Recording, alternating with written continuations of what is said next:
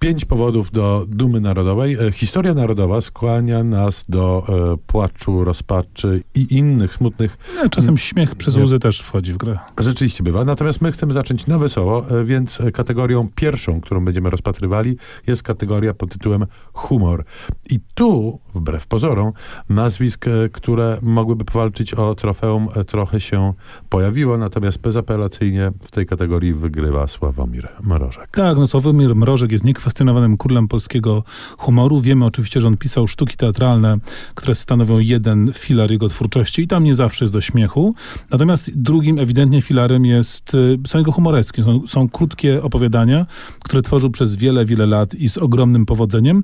I tak naprawdę, jak patrzymy na dzisiejszą sławę Mrożka, na przykład sławę światową chociażby, to właśnie te krótkie formy są czymś, co podbija serce czytelników i co znajduje swoich kontynuatorów u innych pisarzy i innych językach, jako że to jest taka czysta kwintesencja e, humoru, dostrzegania absurdu, budowania sytuacji czasami na jednej, dwóch, trzech stronach przy użyciu najprostszych środków, a jakiejś konwencji bajkowej. Ja to na przykład pamiętam takie opowiadanie, które zbudowane jest całe wokół tego, że jeden z bohaterów nauczył się mówić po hiszpańsku i, które się pisze jako Y i w związku z tym umiał powiedzieć wszystko i bardzo zgrabnie mu to wychodziło.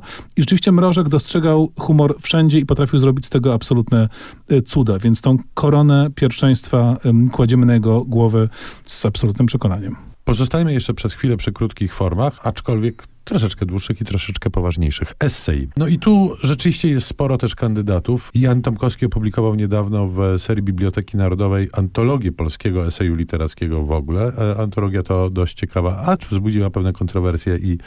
Mm, mm no, Każda porządna antologia powinna wzbudzać kontrowersje. Tak? I utyskiwania.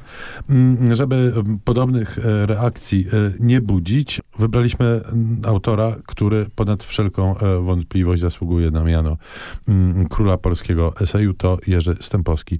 Oczywiście. I wyborów jego eseistyki jest sporo. Ja bym e, polecał e, Państwu kompletny wybór esejów, które ukazywały się w kulturze, m, który nazywa się Notatnik Niespiesznego Przychodnia. I tu są te eseje, które były drukowane w różnych antologiach esejów Stępowskiego m, i te, które nie były, które ukazywały się w kulturze i tu są zebrane. A więc od, e, od tytułów tak znanych, jak ten o czernieniu e, papieru, po rzeczy, z którymi Państwo być może e, zetkną się po raz pierwszy, szczególnie ci moci państwo.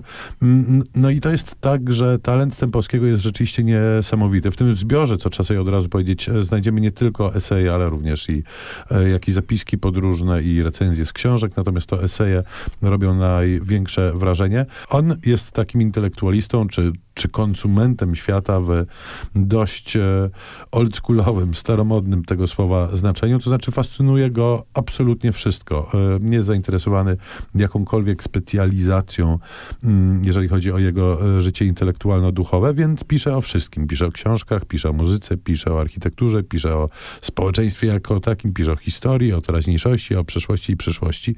Dzięki temu to rzeczywiście to, chyba nic nie zostało. Dzięki temu jest to wybór dość e, e, różnorodny, natomiast e, e nic nie zostało. Stępowski ponad wszelką wątpliwość został, co zresztą wieszczył i wróżył Czesław Miłosz, mówiąc, że z tego kręgu kultury niewiele się ostanie, ale Jurek to mm, na pewno. Jeżeli Państwo e, nie są przekonani, to jeszcze przywołam słowa Jana Kota, który powiedział, że Stępowski nauczył mnie pisać, czytać i nie ufać. Ciebie czy Jana Kota? Jana Kota, ale mnie poniekąd też. Dobrze. Zatem esej i humoreska już za nami, a po przerwie wrócimy do literackich powodów do dumy narodowej. Przerwę tę wypełni inny powód do dumy narodowej, czyli komedię. Czyli, czyli historia polskiego fiaska i serii różnych niepowodzeń. Alternatywy 4 i znany muzyczny motyw Jerzego Matuszkiewicza.